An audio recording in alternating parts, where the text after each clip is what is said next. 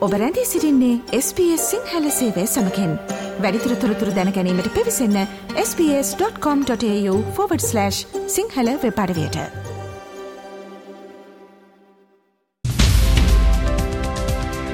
මවබිමින් පුවත් ඔස්ට්‍රේලියාවේ අද උදැස්ස නවද විට ශ්‍ර ලංකාවෙන් වාර්තාාවන ප්‍රධානතම පුවත් කිහිපය මෙන්න. අද ජනවාරි මාසේ කොළොස්වනිදා. ඊය දිනේ ශ්‍රී ලංකාවේ සිදුවීම්ද සවධාන යොමු කරමින් එමනම් අදත් අපි සූදානම් මෞබිමින් පුවත් විශේෂාන්ගේ ආරම්භ කරන්න. දෙදස් විසිහතර අවුරුද්ධට මුලින්ම පාර්ලිමේන්තුව රැසුණු දවස පෙරේද දවස. පෙරේද අපි දැක්කා සමගි ජන බලවේගේ නියෝජනය කරන චමින්ද විජිසිරි පාර්ලිමේන්තු මන්ත්‍රීවරයා තමන්ගේ මන්ත්‍රීදුරයෙන් ඉවත් වුණා. ඊය වනකොට ඔහු තමන්ගේ පවුලත් එක් ඔස්ට්‍රේලියාව බලා පිටත්ව ගයා කියලත් තොරතුරු වාර්තා වෙනවා. ඒ අනුව මේ චමින්ද විජසිරි මන්ත්‍රීවරයාගේ ඉවත්වීම පිළිබඳව මහින්දානන්ද අලුත්ගමගේ මන්ත්‍රීවරයා පාර්ලිමේන්තුවේදී අදහස් දැක්වීමක් සිද්ධ කරා එයින් කියවුනේ ඔහු යම් විදිහකට ඔවුන්ගේ මන්ත්‍රී ලැයිස්සුවේ ඊළඟ මන්ත්‍රීවරයාට මුදල්වලට මේ මන්ත්‍රීදුරේ ලබාදීලා ලංකාවෙන් පිටවෙලා ගියා කියන චෝදනාව එල්ල කරේ බලමු ඒ සම්බන්ධයෙන් මහින්දනන් දළුත්ගමගේ මන්ත්‍රීවරයා පාර්ලිමේන්තුවේදී පළ කළ අදහස.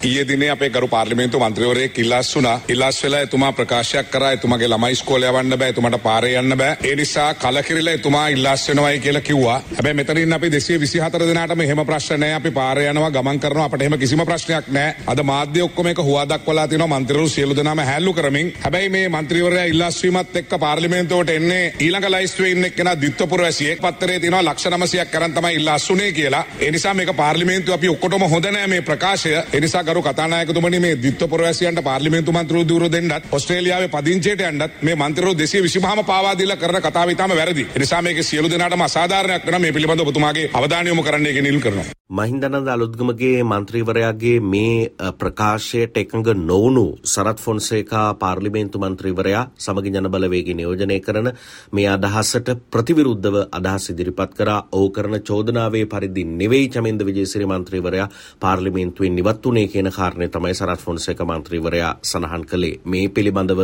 අදහස් පළ කරපු සමගි ජනබලවේග පාර්ලිමේන්තු මන්ත්‍රී සරත් ෆොන්සේකා මේ වරප්‍රසාද කමිටුව ඉදිරියේ ඇති වුණ ප්‍රශ්නයක් මත එතුමාගේ කලකිරීමක් මත අස්වැලා යනවා කියන එක තමයි කිව්වේ. නමුත් මේ සභාවේ කියවුණා එතුමා මිලියන් 900ක් ලැයිස්තුවේ ඊළඟට ඉන්න පුද්ගලයාගෙන් අරගෙන අස්වැනවා කියලා.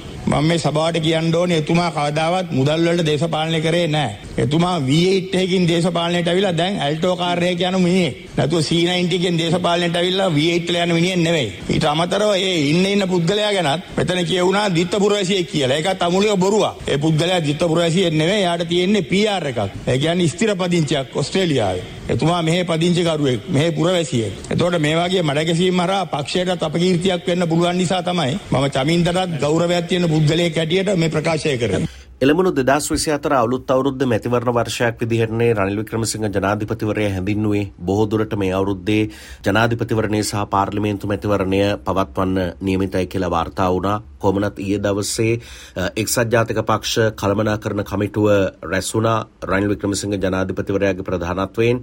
එහිදී මේ අවුරුද්දේ සැප්තැම්බර් මාසේදී ජනාධිපතිවරණය පවත්වන බවත් පාර්ලිමේන්තු මැතිවරණය මන්දත මහමැතිවරණය ලබන අවුරුදු ජනවාරි මාසේ පවත්වන්න කටයුතු කරන බවත් රනිල් වික්‍රමසිංහ ජනාධිපතිවරයා එක්සත් ජාතික පක්ෂ කළමනාකරන කමිටුවට දැනුම් දුනා.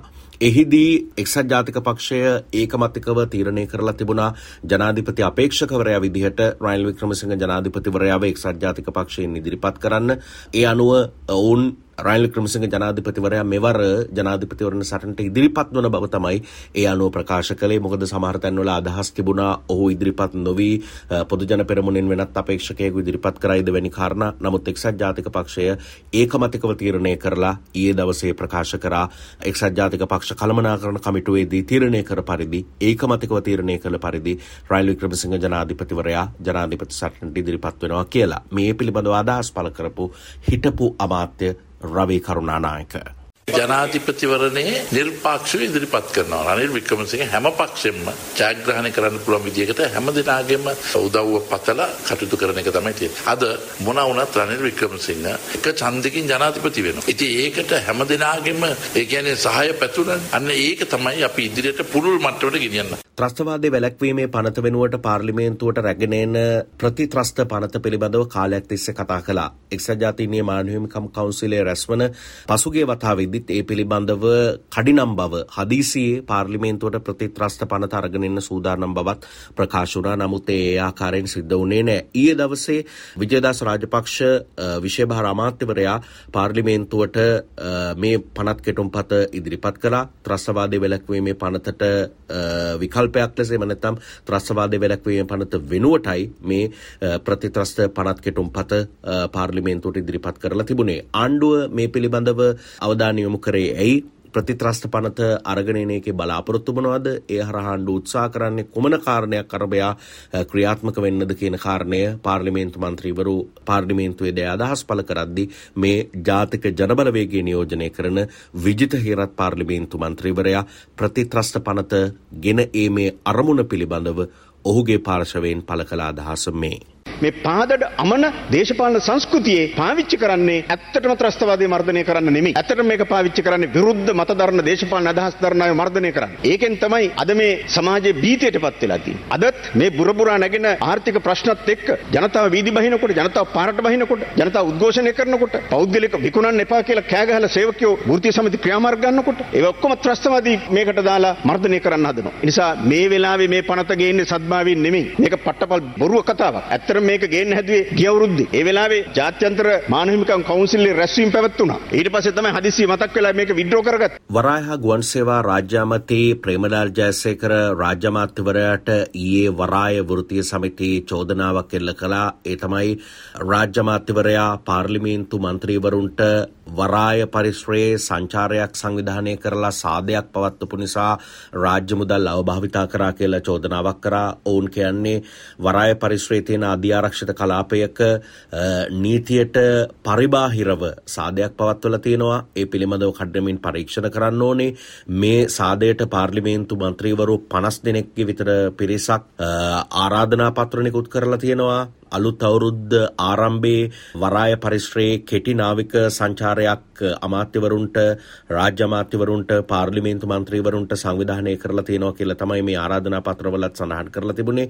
ඒ හින්දා සමස්ත ලංකා වරාය පොදු සේවක සමිතිය ප්‍රවෘත්ති සාකච්ඡාවක් තියලා ප්‍රේමරාජ් ජයසේකර රාජ්‍ය අමාත්‍යවරයාගේ මේ ක්‍රියාකලාපයේ දැඩි ලෙස විවේචනය කරා.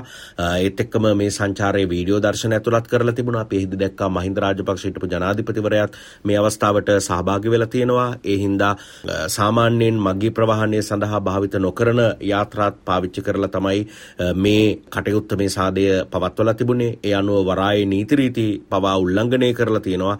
ඒ හින්දා මීට එරෙහිව ක්‍රියාත්මක වෙන්න කියලා වරාය වෘත්තීය සමිතියේ චෝදනා කළා. මේ චෝදනාවලට අද දවසේ මාධ්‍ය හමුවක් තියලා ප්‍රතිචාර දක්වන්න පුළුවන් බව ප්‍රේමලාල් ජයසේකර රාජ්‍ය අමාත්‍යවරයා සඳහන් කරලා තියෙනවා. කොමනත් වරාය වෘත්තීය සමිතිය චෝදනා කරේ මේ වරායේ විශේෂ අමාත්‍යවරයා විදිහට රාජ්‍ය අමාත්‍යවරයා විදිහට නීති විරෝධී ලෙස තමයි මේ සංචාරය සංවිධානය කරලා සාදයක් පවත්වලා මන්ත්‍රීවරුන් සතුරු කරන්න මෙවැනි ක්‍රියාවලියක නිරත වෙලා හිටියේ නීතියට පිටින් කියලයි වරායවෘතිය සමිති චෝදනා කළේ.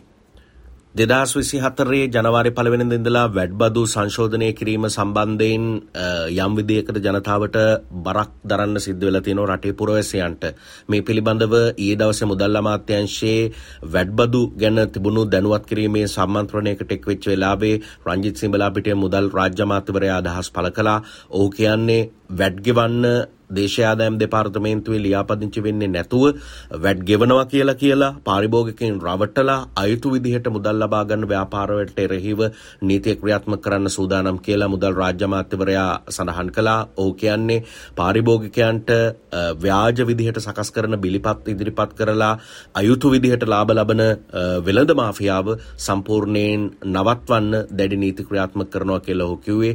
ඒ වගේම බදු පදනම පුළුල් කරන්නත් රජය යම් විදිහට ඉදිරියේ සැලසුම් කරලා තියෙනවා. ඒත් එක්කම ඍජු බදු ප්‍රතිශතය 40ක් දක්වා වර්ධනය කරන්න බලාපොරොත්තු වෙනවා. ඒ ආකාරයෙන් බදු සංශෝධනය කිරීමේ තීරණත් ඉදිරියේදී ගන්න ආණ්ඩුව කටයුතු කරනවා. මේ මොහොතේ අයුතු විදිහට ජනතාවගේ මුදල් එකතු කරන භාණ්ඩ මිල වැඩි කරන ව්‍යාපාරිකයින්ට එරෙහිව නීතිය ක්‍රියාත්මක කරන්න කටයුතු කරනවා කියලා රංජිත් සේබලාපිටිය රාජ්‍ය අමාත්‍යවරයා මේ බදු පිළිබඳව දැනුවත් කිරීමේ විශේෂ සම්මන්ත්‍රණයේදී සඳහන් කළා.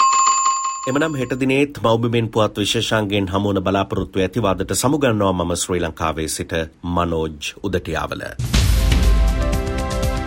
මෞබිමෙන් පුවත්. ශ්‍ර ලංකාවෙන් වාර්තාාවන ප්‍රධානතම පුවත් කිහිපය SBS සිංහල සේවෙන්.